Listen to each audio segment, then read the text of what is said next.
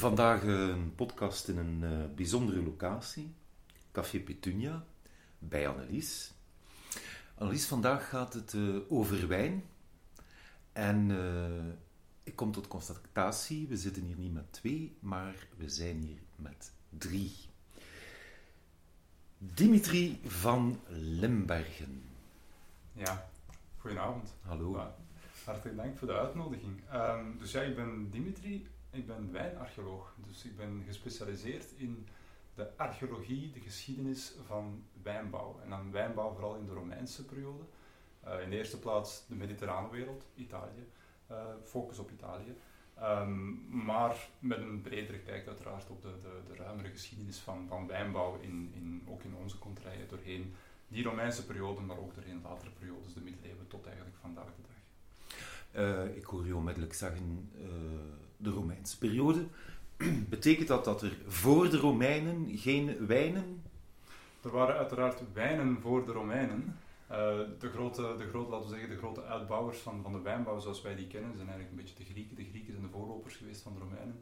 Maar het zijn wel de Romeinen geweest die, uh, zeker in de mediterrane wereld, en dan ook naar onze contraien toe, en dan heb ik het over Noordwest-Europa eigenlijk, Um, zij hebben toch wel de basis gelegd uh, voor wat wij vandaag de dag eigenlijk een beetje kennen als zo de, de historische wijnlandschappen die we hier kennen. Uh, daar zijn zij toch wel zeker, zeker uh, de aanleggers van. Ja. en dat heeft zich ook in Gent zo doorgezet. Hè? Um, het Romeinse Rijk hield op een bepaald moment op te bestaan. Vrij geruisloos. Ik denk dat niemand er eigenlijk veel last van gehad heeft. Maar wijn was ondertussen een deel geworden van, van die hele christelijke cultuur. Hè? Want wijn was het bloed van Christus. En dat is ook de reden waarom dat wijn een blijvertje geweest is, ook in Gent. Um, we hebben het uh, helemaal in het begin van de podcast al over uh, Sint-Baafsabdij gehad. En uh, de hoeveelheden wijn die daar gehesen werden door de monniken. Um, Dimitri, de Romeinen, waren dat zware drinkers? Wel, dat waren zware drinkers, maar je moet daar een kanttekening bij maken. Dat heeft zowel bij de Romeinen uh, uh, zeker van belang, maar ook in die, latere periodes, hier ook in de middeleeuwen, als we het hebben over die, uh, die kloostergemeenschappen die eigenlijk wijn gaan consumeren in grote hoeveelheden, dan denken wij direct aan de wijn van vandaag de dag. Maar dat was heel vaak aangelengde wijn. Dat was ook wijn die niet dezelfde graad van alcohol had als, als wij nu kennen. Um, en vaak consumptie van wijn was ook iets. Wij, wij, beschouwen dat als een, als een lekkere drank. Die, die wordt geconsumeerd bij een aangename gelegenheid, bij een aangenaam gerecht. Uh, bij ons is het echt iets culinair. Terwijl als we naar de middeleeuwen gaan, als we naar de Romeinen teruggaan, um, was wijn echt ook een soort van voedsel. Ik bedoel, het was echt gewoon een dagelijkse bron van calorieën. Dus het is ook vanuit die optiek dat je het moet bekijken. In de middeleeuwen, in de Romeinse periode, mensen dronken wijn. Niet alleen omdat het een laten we zeggen, gezonde manier was van drinken. Het was gezonder dan water in de middeleeuwen of in, of in, de, in de oude wereld. Uh, maar ook als een bron van calorieën. En vandaar ook die grote hoeveelheden. Dus, dus boeren in de middeleeuwen, kloostergemeenschap in de middeleeuwen, hadden vaak die rantsoen hoeveelheden van liters wijn, uh, of bier, ook in dezelfde categorie eigenlijk, per dag. Um, als een soort van, van bron van voedsel eigenlijk. Maar werden de mensen dan daar niet zwaar dronken van? Minder. Dus uh, om het feit van dat dus, laten we zeggen, dat zijn niet altijd alcoholische dranken van, van 11 graden of van 14, 15 graden. Dat kan even gaan over, zoals vandaag de dag, de lichtere bieren ook hebben van 3, 4 graden alcohol.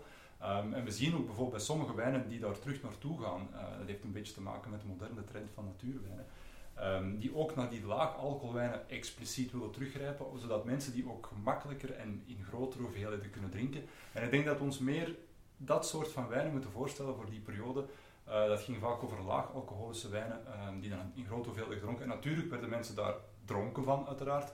Maar dat is niet hetzelfde intoxicerend gevoel of effect van wat je vandaag de dag voor veel wijnen zou hebben. Ja. Annelies, zijn er zo uh, Romeinse voorbeelden van een stukje eten die bij een goed glas wijn behoorde? Het, zo, het concept van, van food pairing, dat is eigenlijk relatief recent. Dus men ging niet zo vaak een, een, een, uh, een, gerecht met een wijn samen gaan brengen of zo in de bronnen gaan benoemen. Maar dat sluit natuurlijk niet uit dat je dat kan doen. En uh, het is een kleine shout-out naar uh, het project van, van Dimitri en mezelf. Wat wij doen op Instagram via Uncork the Past, is dat net wel gaan doen. wijnen met een historisch verhaal en historische gerechten naast elkaar te gaan zetten. Ja, dat is zo, best luisteraars. Ik kan het in ieder geval al meegeven. Een prachtige mm, Instagram uh, pagina die u letterlijk en figuurlijk goesting doet krijgen en dikwijls het water in de mond uh, uh, doet komen. Um, Dimitri, een vraag die ik had, want we hadden nu over Romeinse wijnen, um, eventjes de middeleeuwen al aangeraakt. Wat mij nu plots te binnen schiet, merknamen. Ik bedoel, ik kan me inbeelden dat de Romeinse keizer niet zei, oh, ik heb vandaag goesting en breng me dan een keer een Bordeaux of het een of het ander. Wel, eigenlijk, eigenlijk toch wel. Dus, dus een soort van...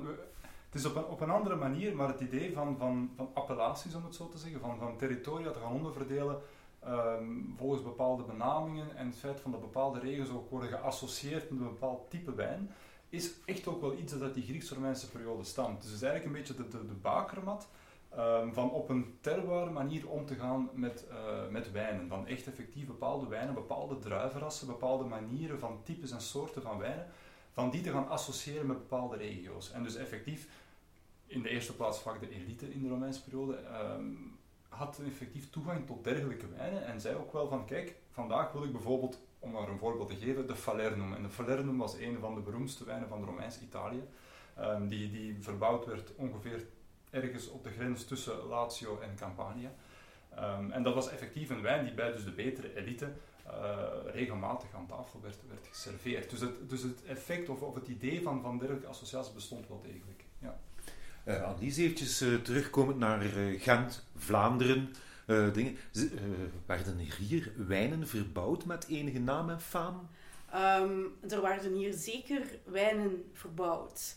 Ik denk dat dat iets is wat we tegenwoordig niet meer beseffen, maar dat steden als Gent en Leuven ook eigenlijk best wel grote wijngaarden hadden. Vooral in Leuven hebben we cijfers over het um, uh, over, de, over de productie. Ik weet ze niet uit het hoofd, misschien dat Dimitri mij kan. Het zat rond de 300.000 uh, liter, denk ik, of, of Het ging over een, een, toch een, denk een 20 of een 30-tal aantal persen die effectief binnen het Leuvense bestonden in, in, uh, in, in, die periode en die toch jaarlijks een enorme hoeveelheid aan wijn produceerden. En dat zit natuurlijk een beetje in die periode, als ik me niet vergis, die 12e, 13e, 14e eeuw.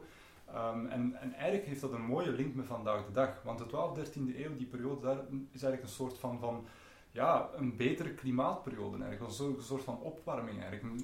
betere klimaatomstandigheden, misschien nog zelfs iets beter dan vandaag de dag. Maar we maken op het moment iets gelijkaardig mee. Van, van, we zien dat onze gebieden, die eigenlijk tot 50 jaar geleden en zelfs 20, 30 jaar geleden niet geassocieerd werden met wijnbouw, dat nu wel meer en meer worden. En iets dergelijks moet er ook wel gebeurd zijn in die periode. Het is een combinatie van natuurlijk die christelijke kloostergemeenschappen die daar een grote vraag naar hebben, die ook zelf aan wijnbouw beginnen te doen, in combinatie met iets betere klimaatomstandigheden, die het ook wel toelieten om op een grotere schaal dan voorheen aan wijnbouw te gaan doen. En dat zal zeker in die periode een rol gespeeld hebben. Spreken we dan uh, over rode wijnen, witte wijnen, uh, noem maar op? Of dat, we weten niet altijd wat voor soort wijnen dat effectief waren. beide werden geconsumeerd in onze contraien. Ze werden bijvoorbeeld allebei ook geïmporteerd. Witte wijnen en rode wijnen vanuit Frankrijk, vanuit Duitsland werden hier geïmporteerd en, en geconsumeerd. Als we kijken naar vandaag de dag, dan denk ik als we willen kijken naar, naar wat misschien de betere wijnen of toch de kwaliteitswijn of, of een beter product was, dat we sowieso gaan uitkomen bij witte wijnen. Witte wijnen hebben sowieso, uh, kunnen iets beter geteeld worden in, een kouder klimaat, want wij hebben zo altijd ook, al worden we nu warmer, het blijft altijd een kouder klimaat. Um, en er gaan altijd betere resultaten, uh, laten we zeggen, verkregen worden met dergelijke uh, witte druivenrassen dan met rode druivenrassen die veel meer warmte vaak nodig hebben, veel meer betere temperaturen, veel betere omstandigheden nodig hebben en die hier niet altijd volledig tot hun recht gaan komen. Dus als ik een gok zou moeten maken en, en zeggen van welke wijnen zouden dat geweest zijn, dan zou ik zeggen voornamelijk witte wijnen. Ja. Voor een stad als Gent zijn er niet minder dan 73 soorten wijn gedefinieerd. Dat is gigantisch veel. Die, uh, Um, die namen van die wijnen of, of die streken waaruit ze komen, die staan in documenten van de, van de wijnzeggers en de wijnmeters. Um, maar je, eh, het is opmerkelijk dat er veel meer soorten wijn um, genoemd worden dan dat er ooit soorten kaas opgetekend zijn. 73 voor de wijn en 18 maar eh, voor de kaas. En dat zijn dan wijnen uit, Duitsland. En Rijnwijn wordt bijvoorbeeld vermeld.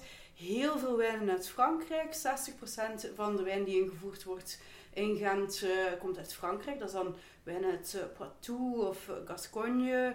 Um, en af en toe een keer een, een Portugese of een Italiaanse wijn. Mm -hmm. wat ik mij nog afvroeg, uh, Annelies, was dat voor de Gentenaars, was wijn een product die, ja, hoe zou ik het zeggen, toegankelijk was voor iedere Gentenaar? Of ja, moest je toch al een beetje van betere huizen zijn om die wijn uit Poitou of zo dan op tafel te krijgen? tot uh, het einde van de 14e eeuw staan wijn en bier in Gent eigenlijk min of meer op dezelfde hoogte. En je, je had het over, over de Poitou-wijn. Eigenlijk is dat een, een vrij goedkope wijn. Goedkoop in verhouding tot de kwaliteit. Hè? Een goede prijs-kwaliteitsbalans. Die wijn uit Poitou die wordt aangevoerd over zee. Dus dat is een relatief weinig omslachtig proces en dat vertaalt zich in de, uh, in de verkoopprijs. Dus eigenlijk tot het, um, tot het einde van de 14e eeuw is wijn een volksdrank. Het einde van de 14e eeuw is er een technologische revolutie in het maken van bier. Wordt het bier wat beter? En ga je een onderscheid krijgen, en dat is ook een beetje het onderscheid dat we nu nog altijd hebben, tussen wijn als een soort elitedrank en bier meer als een volksdrank. Maar er zijn natuurlijk ook producten die zich een beetje op het snijpunt van de twee bevinden. Ik denk dat ik nu met volle goesting uh, eventjes richting Dimitri ga kijken. Dimitri, je hebt iets meegebracht voor ons. Ik heb hier een flesje meegebracht um, van de Heilig Hart Brouwerij. Het is eigenlijk een brouwerij hier vlakbij in Wetteren. Um, en zij hebben een heel interessant product gemaakt. Dus ik heb de zogenaamde epiclese bij. Uh, en het is eigenlijk iets het is een hybride drank. Het is een combinatie van wijn en bier. En heeft eigenlijk op die manier een heel mooie directe connotatie met, met ook de geschiedenis van, van wijn op zich. Um, want wat bijzonder is aan deze wijn, het is een natuurwijn. Het, is, het, is, het wordt gedefinieerd als wijn. Maar het is een natuurwijn in de zin van, er zijn niks uh, niet chemische producten aan toegevoegd, het volledige natuurlijke fermentatie doorgegaan. Dus het is een natuurproduct, uh, natuurlijke gisten. Um, en wat er heel opmerkelijk aan is, is dat eigenlijk er zijn verschillende technieken gebruikt doorheen het wijnmakingsproces. Dus bijvoorbeeld voor de fermentatie heeft men gebruik gemaakt van zogenaamde uh, terracotta amforen. Mhm. En dat geeft ons eigenlijk de eerste stap naar de wijngeschiedenis, want terracotta amforen zijn iets wat bijvoorbeeld ook al de Romeinen gebruikten voor het fermenteren van wijn. En dat is eigenlijk een techniek die bij ons wat verloren gegaan is in de loop van de tijd. Maar bijvoorbeeld in bepaalde landen, bijvoorbeeld Georgië bijvoorbeeld, en, en is dat een techniek die eigenlijk heel de periode tot nu toe, tot vandaag de dag is blijven bestaan. Tot op vandaag? Tot op vandaag. En dat maakt eigenlijk een eerste unieke link van wat deze fles eigenlijk zegt van kijk, we gaan terug naar die bakermat van de wijngeschiedenis, want George zelf heeft een wijngeschiedenis die gaat tot 6, 7, 8000 jaar geleden. Dus een oudere geschiedenis eigenlijk dan, dan, dan de Grieks-Romeinse geschiedenis. Uh, maar het leuke aan deze, aan deze fles is niet alleen die fermentatie in terracotta containers, maar het feit van dat men na die fermentatie voor het rijpingsproces heeft men dan weer gebruik gemaakt van houten tonnen. En dus eigenlijk komen we daardoor in een beetje in de tweede fase van de wijngeschiedenis terecht, waar we dus in onze contrij in de middeleeuwen de overgang gemaakt is van die terracotta-amforen naar houten tonnen, zowel voor opslag als voor transport uh, en fermentatie. Um, komt ook dit element hier dus eigenlijk in die fles uh, aan bod. En een derde element, en dat vind ik persoonlijk het leukste element van de fles, is dat het een zogenaamde pétillant naturel is. En dus de pétillant naturel wil eigenlijk zeggen dat het een licht schuimende wijn is, een natuurlijk schuimende wijn, Um, op een manier die eigenlijk een beetje de champagneproductie uh, vooraf gaat. Want het is dus niet gemaakt op de zogenaamde methode champagnoise, maar het is een natuurlijke gisting, een natuurlijke tweede gisting op fles. Die eigenlijk zonder daar e-, extra producten aan toe te voegen, zonder daar eigenlijk speciale zaken mee te doen, gewoon die fermentatie op zich laat doorvoeren wat er nog overblijft van gisten in de fles. En dan maakt het die zogenaamde pétillant uh, naturel. Ik zou zeggen, doe die fles open alstublieft. dus, goed, het is ongelooflijk hoe uh, smaakvol Dimitri over uh, wijn kan vertellen. Je zal direct zien, de kleur uh, is heel atypisch. Het is niet iets wat je direct zou verwachten voor een wijn, want dus vaak doen wij qua kleur wij delen wijn onder in witte wijn, rosé, rode wijn. Ja. Als je hier naar kijkt, dit is geen van de drie. Ik bedoel, dit is eigenlijk een soort van kruising, dit is een soort van amberwijn, dit is een soort van... Het gaat naar wat we vandaag dag soms noemen orange wines. En dus eigenlijk goudkleurige, amberkleurige witte wijnen die veel donkerder zijn van kleur. Waarom veel donkerder van kleur? Omdat zij een schilmaceratie ondergaan Dus normaal gezien een witte wijn wordt niet gemaakt met schilmaceratie, rode wijn wel. Ehm, en dat geeft vaak die, die, die, intensere kleur voor dat soort witte wijnen. Nu in dit geval hebben we te maken met de gamay-druif. En de gamay-druif is natuurlijk een rode druif die, die gebruikt wordt voornamelijk in de Beaujolais. Ehm, maar dus het, het, leuke aan, aan, deze wijn is dat hij een heel korte maceratie, een, korte schilmaceratie heeft ondergaan, waardoor hij een soort van ja, bijna koperkleurige uh, kleur krijgt eigenlijk. En dan hebben we eigenlijk een andere historische verwijzing. Het heeft er niks te maken met het territorium van Gent, maar bijvoorbeeld dit soort koperkleurige wijnen, maar dan op basis van Pinot Gris uh, druiven, wordt in het noorden van Italië de Ramato genoemd. Dus ik zou eigenlijk zeggen, we hebben hier eigenlijk een soort van hybride alles in één, die, de, de, die de, eigenlijk een beetje de wijngeschiedenis uh, perfect samenvat. Dimitri, je hebt een paar keer een woord gebruikt waarvan dat ik denk dat de luisteraars zich gaan afvragen, wat is dat? Schilmaceratie. Schilmaceratie. Dus schilmaceratie is simpelweg gezegd het contact tussen de schil en het druivensap. En voor rode wijn is dat enorm belangrijk, want alle kleur, alle tannines die in een rode wijn kunnen terechtkomen, die worden uit die schillen geëxtraheerd. En dus de mate van schilcontact gaat in grote mate de kleur van je wijn bepalen en het niveau van je tannines. De tannines zijn die typische, uh, dat drooggevoel dat je hebt op het achterste van je tong als je een, een, glas wijn drinkt, dat zijn de tannines. Dat is iets wat we heel erg associëren met rode wijn.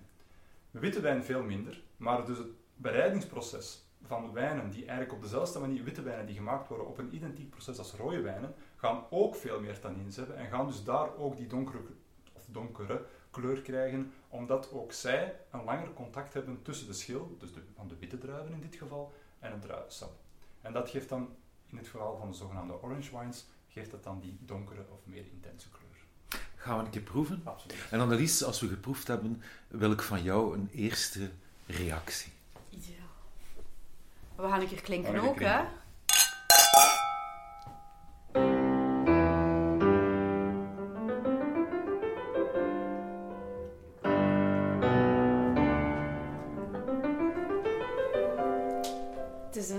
gelijk dat Dimitri zegt, moeilijk om uit te maken van wat is dit nu wat in mijn glas zit? Is dit nu wijn? Is het nu bier? Het heeft een zeer interessante en pittige smaak. Hè? Het trekt je mond wel wat droog. Het is, er zit een heel uitgesproken zure smaak in. Toen mij een beetje denken aan, aan zo'n oude kriek of een geuze.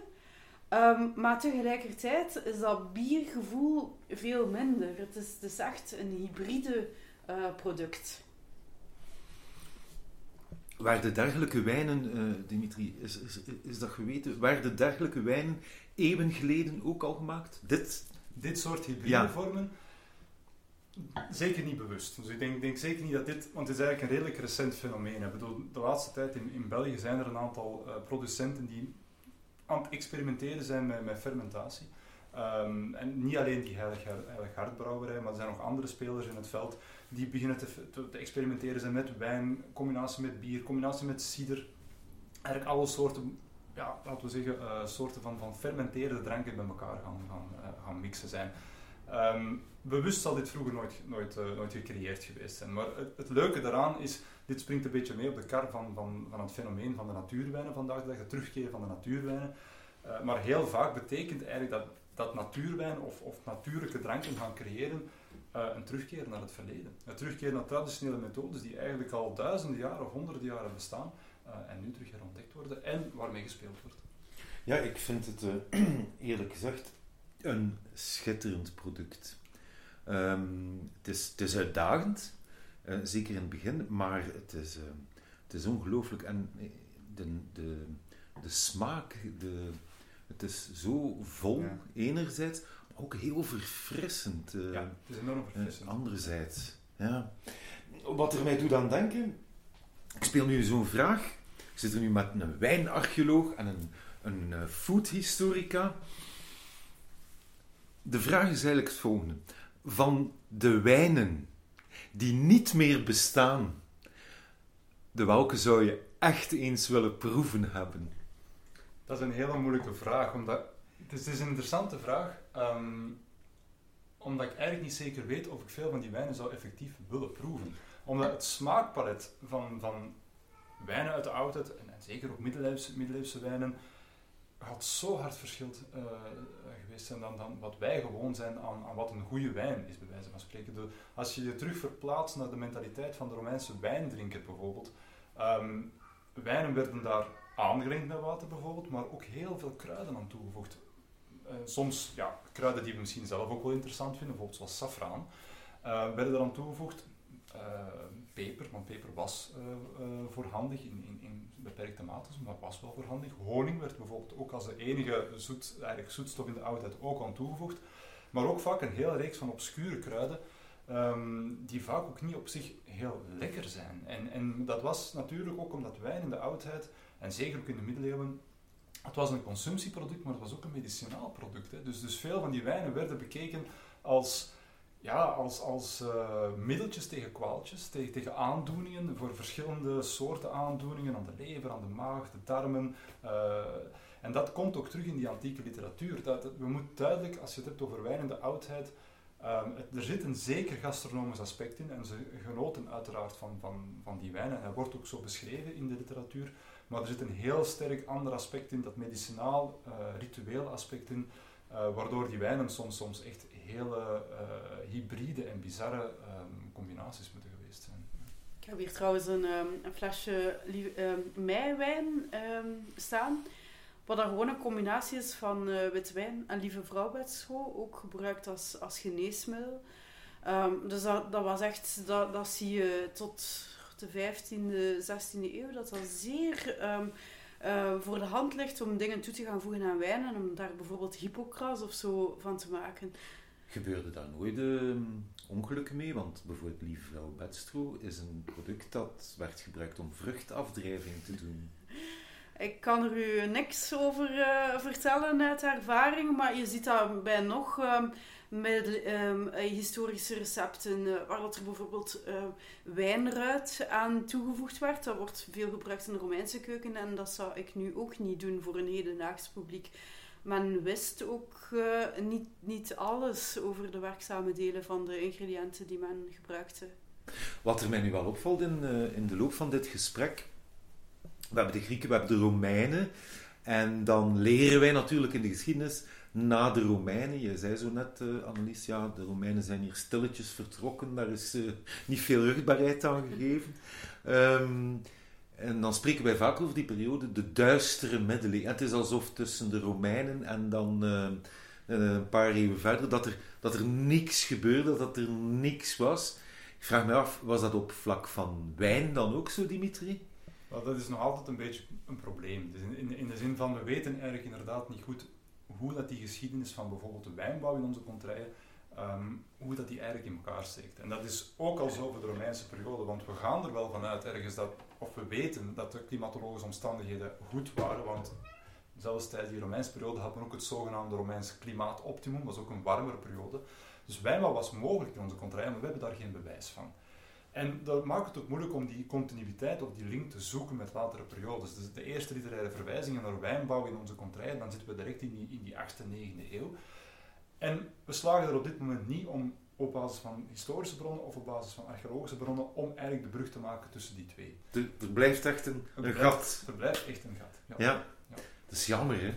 Ik vind dat dan altijd, dan ben ik zo benieuwd van, allee, kom aan. Ja, dat was natuurlijk ook een, een zeer woelige en onzekere periode. En, en als je dat vanuit historische invalshoeken bekijkt, dan is dat ook wel begrijpelijk dat mensen niet de moeite namen om zeker culinaire dingen op schrift te stellen. Het was, men was daar niet zo hard mee bezig. Je, je hebt de 8e, 9e eeuw. Dat is het uh, moment dat wij bezoek krijgen van de Noormannen en de Vikingen ook. Um, wat mij meteen ook uh, eventjes doet afvragen, is wijn drinken op een of andere manier toch cultuurbepalend? Ik, ik heb nog nooit een tekening of een, uh, of een bron gezien van een wijndrinkende viking. Die, die mannen hijsen altijd grote pullen bier. Ja, je hebt die heel sterke connotatie, ook al, vroeger in de oudheid. Dus het bier, dat was de drank voor de barbaren, voor de niet-culturelen. En wijn was de drank voor de, ja, voor de culturele klasse, voor de betere klasse, voor de gesofisticeerde Romein, de gesofisticeerde Griek. Uh, en ik denk eigenlijk een beetje dat we met dat verkeerd traditioneel beeld nog altijd wat voortleven. Hè. Dus um, we gaan er inderdaad vanuit dat de noordelijke gebieden, dat dat bierdrinkers waren. Uh, dus onder andere de vikingen waren bierdrinkers. Maar je mag bijvoorbeeld ook al niet vergeten um, dat er in tegenstelling tot voor, voor België eigenlijk, want we hebben wel wat bewijs uh, in, voor wijnteelt in die 12e, 13e, 14e eeuw. Maar eigenlijk is het bewijs zowel voor de Romeinse periode als voor de middeleeuwse periode veel sterker voor, de, uh, voor Engeland.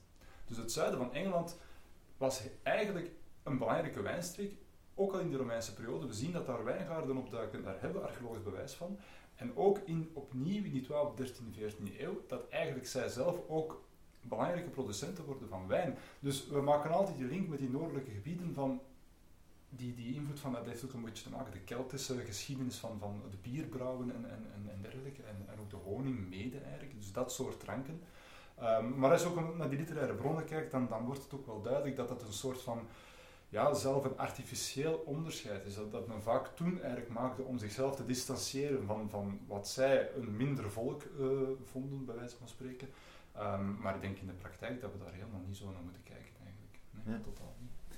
Er is, uh, Alice, je zei daarnet, er is een, een bepaald moment, wordt, uh, in, om even terug te gaan naar Gent, wordt bier populair. Mm -hmm. wijn kent een dipje. Mm -hmm. Wanneer vindt dat juist plaats? Dat is zo ongeveer het begin van, van de 15e eeuw. Dus de, de tijd van Van Eyck eigenlijk.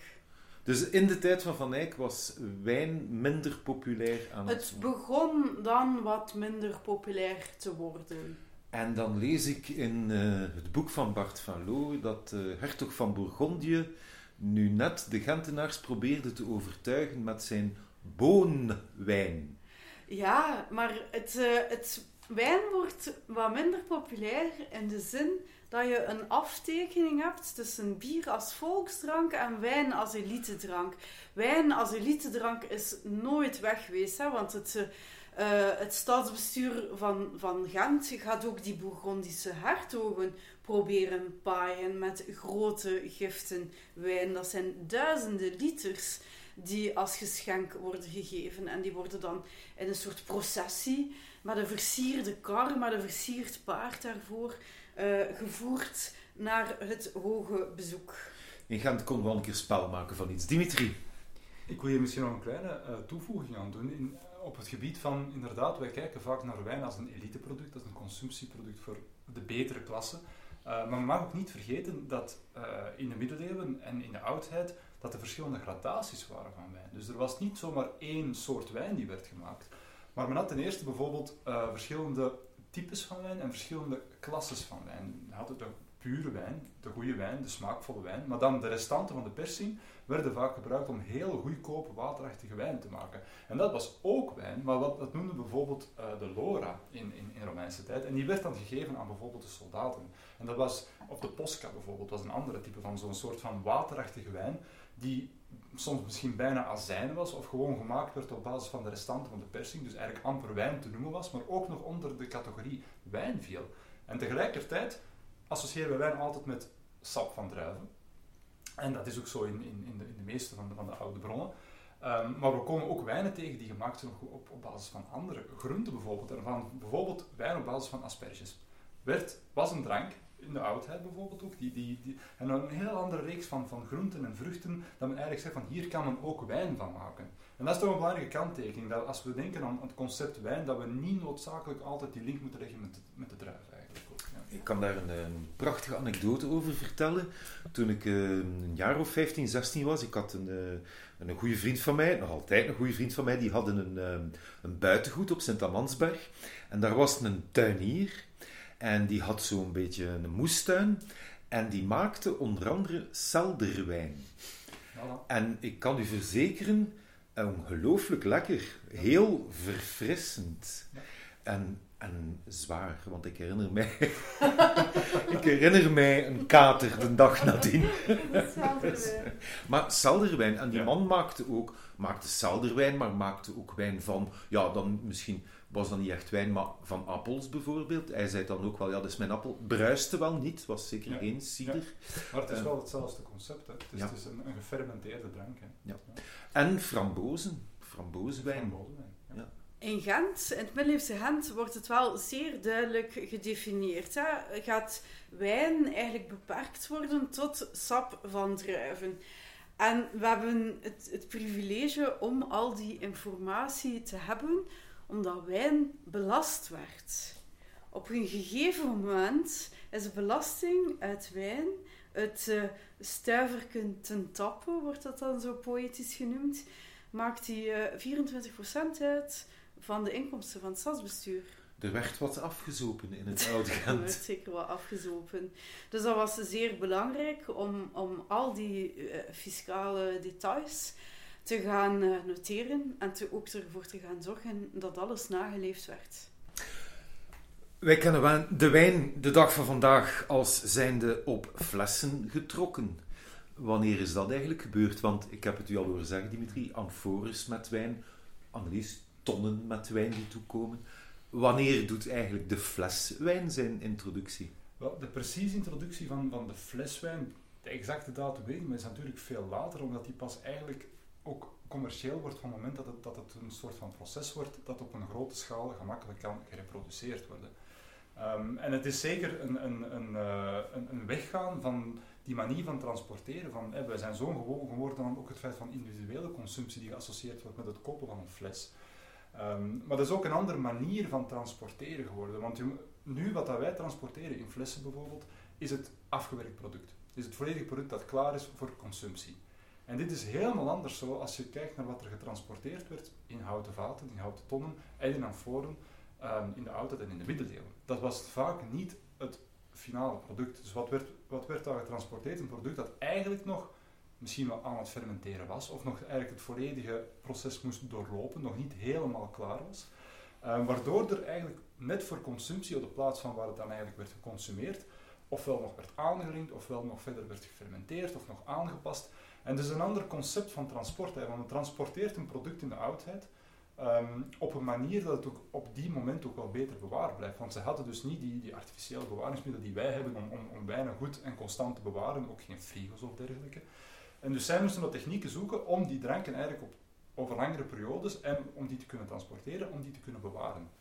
En een van de manieren was om effectief om het product nog niet volledig eigenlijk op zijn, in zijn finale vorm te laten transporteren, waardoor het sowieso stabiel bleef, omdat het bijvoorbeeld tijdens het transport verder fermenteerde of verder aan het rijpen was en bij aankomst kon gefinaliseerd worden en gedronken worden. En dat is helemaal anders bij het concept van transport in flessen, want wat, wat er in de flessen wordt getransporteerd is het eindproduct. Is het product dat klaar is om te consumeren en die evolutie hangt ook heel hard samen met het feit dat we erin slagen om een product te maken dat eigenlijk heel lang stabiel blijft en ook op langere, eh, langere periodes kan bewaard worden.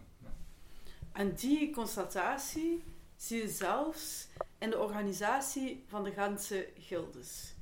Dus wanneer dat de gildes in Gent bestraft worden door keizer Karel, omdat ze ja, in opstand zijn gekomen, ehm, worden er drie wijnneringen vermeld. De kraankinders, die instonden voor het transport. De wijnmeters en wijnzeggers die instaan voor de verkoop. Maar ook de kuipers. En dat, is, dat, dat wringt zo misschien een beetje op het eerste zicht, maar dat is super logisch. Want de kuipers zijn niet alleen degene die houten tonnen produceren, maar de kuipers zijn ook degene die instaan voor dat verder leven van die wijn. Die kunnen die wijn begeleiden in dat rijpingsproces. Die kunnen ingrijpen wanneer dat er iets verkeerd loopt. Die hebben die kennis om heel fijnmazig er, ervoor te zorgen dat dat levend product uiteindelijk evolueert naar een drinkbare wijn en niet naar azijn. Ben ik dan juist, eh, eh, als ik denk van ehm, een middeleeuwse wijn of een Romeinse wijn komt toe en is nog niet klaar voor consumptie, er moet nog van alles mee gebeuren. In tegenstelling tot de moderne wijn, hè, het flesje open en, en je kunt beginnen drinken. Dus die, ehm, die toevoer van wijn moest toch maar een zekere continuering zijn, want anders dreigde, dreigde het stil te vallen. Ja, als de wijn nog niet klaar is om te drinken, kun je hem niet drinken. Eh, Het het is ook zo dat het transport in een, eh, in een wijnvat ervoor gaat zorgen dat, u, dat uw wijn eigenlijk omgewoeld wordt in dat proces. Stel u voor dat, dat een wijnvat aanvoert op een kar. Op een kar zonder vering. Uh, dat, dat, dat schudt, dat heeft geen uh, uh, positieve impact op het leven van uw wijn. Of stel u voor dat u uw wijn uit een schip gerold of getakeld wordt en daarachter nog een keer in een wijnkelder wordt geplaatst. Ja, dat is, dat is geen product dat je dan daarachter direct kunt aftappen en kunt drinken. Mm.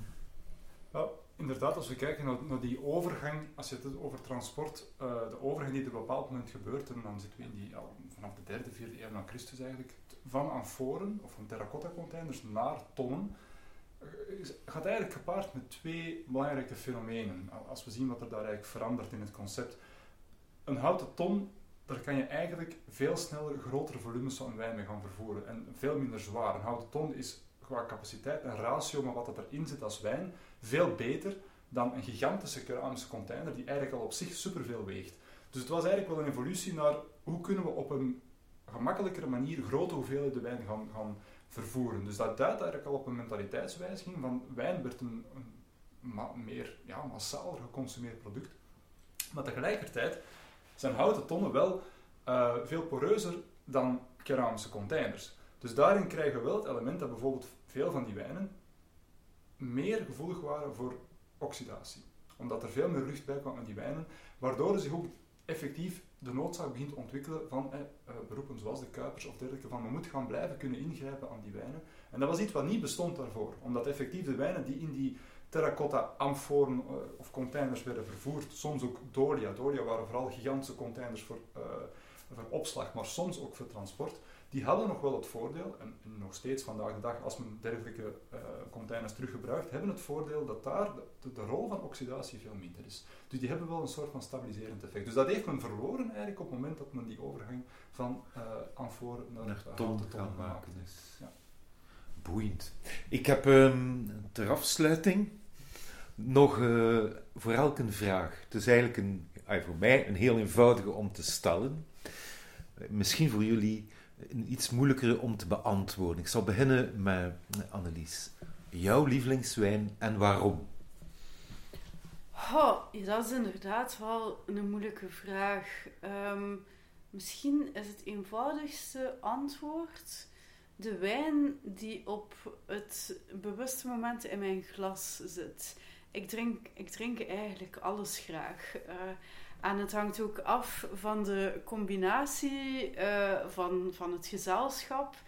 Um, en um, ik, ik verken graag nieuwe dingen. Dus ik kan daar zo even geen pasklaar antwoord op geven. Maar uh, het is zo, zoals we kennen, uh, genieten, ervaren en er hoeft geen merk op te staan op dat moment. ik, voilà. ik ga een keer gaan horen bij onze wijnarcheoloog de, welke wijn dat mijn voorkeur uiteraard. Ja. Wel, in, ik, heb, ik heb sowieso een voorkeur voor witte wijnen. En dat zijn witte, gestructureerde witte wijnen. Dus bijvoorbeeld orange wines. Ik ben een gigantische fan van orange wines. Omdat die erin slagen om witte wijnen te creëren die enorm veel karakter hebben. Die een enorm um, ja, subtiel en toch een complexe smakenpalet hebben. En vind ik vaak de volledige, het volledige potentieel van een witte druif naar boven laten komen. En als je dan zelf een voorkeur nog moet hebben, dan ga ik direct zeggen van een Georgische orange wine. Een Georgische witte wijn, en bijvoorbeeld een Saperavi, uh, Saperavi de rode wijn, een, uh, een witte Georgische wijn, die gemaakt is op, op basis van die terracotta amforen, dat is voor mij het einde. Want die heeft die, die, die droogheid van die tannines in die wijnen, de, subtiele smaak tegelijkertijd, die je in dergelijke wijnen terugvindt, en de complexiteit en de balans tegelijkertijd in, in dat soort witte wijnen, is, uh, is, is voor mij ongegeven. En, uh, want ik, begin al hoesting te krijgen, Dimitri. Zijn die wijnen courant verkrijgbaar? Of heb je nu iets opgenoemd? Meer en meer. Dus meer en meer, gelukkig voor de, voor de wijnliefhebber, uh, zijn er meer en meer ja, wijnbaars ook, maar ook importeurs, um, die zich beginnen toeleggen op die Georgische wijn. Het is een heel lang een, een nicheproduct geweest, maar meer en meer mensen beginnen er toch wel ook naar te vragen. En dat heeft ook te maken met de opkomst van die natuurwijnen. Want zij zijn volledig mee aan het gaan eigenlijk in die uh, in die vibe van de natuurwijnen, omdat ook die dergelijke wijnen volledig natuurlijk worden gemaakt. Ehm, dus je kan ze bijvoorbeeld in Gent al heel courant vinden in Vinogradov. Een wijnbar aan de Ajuinlei. Um, Victor, de uitbater, die een fantastische selectie maakt van, van niet alleen Georgische wijn, maar ook wijnen uit verschillende kanten van Oost-Europa. en waar je ongelooflijke goede orange wines zult kunnen terugvinden met z'n allen daarheen. Ik denk dat we hierbij de podcast gaan beëindigen. Van Georgië naar Gent. Het is alle twee met een G voor de West-Vlaamse uh, luisteraars. Um, bedankt Dimitri. Uh, het was heel leuk en ik denk, uh, Annelies, we gaan Dimitri nog moeten vragen. Ik denk dat we niks, niet anders gaan kunnen. Al, Altijd bereid. Het, is, uh, het was enorm boeiend. Ik denk, uh, denk dat eentje zal zijn om in te blikken. Um, enig idee wat we de volgende keer gaan doen, Annelies? Of denk je van, laat ons daar even bij een goed wijntje over reflecteren? Dat lijkt me een excellent idee, Noël. Dan stel ik voor dat wij nu een reflectiemoment doen.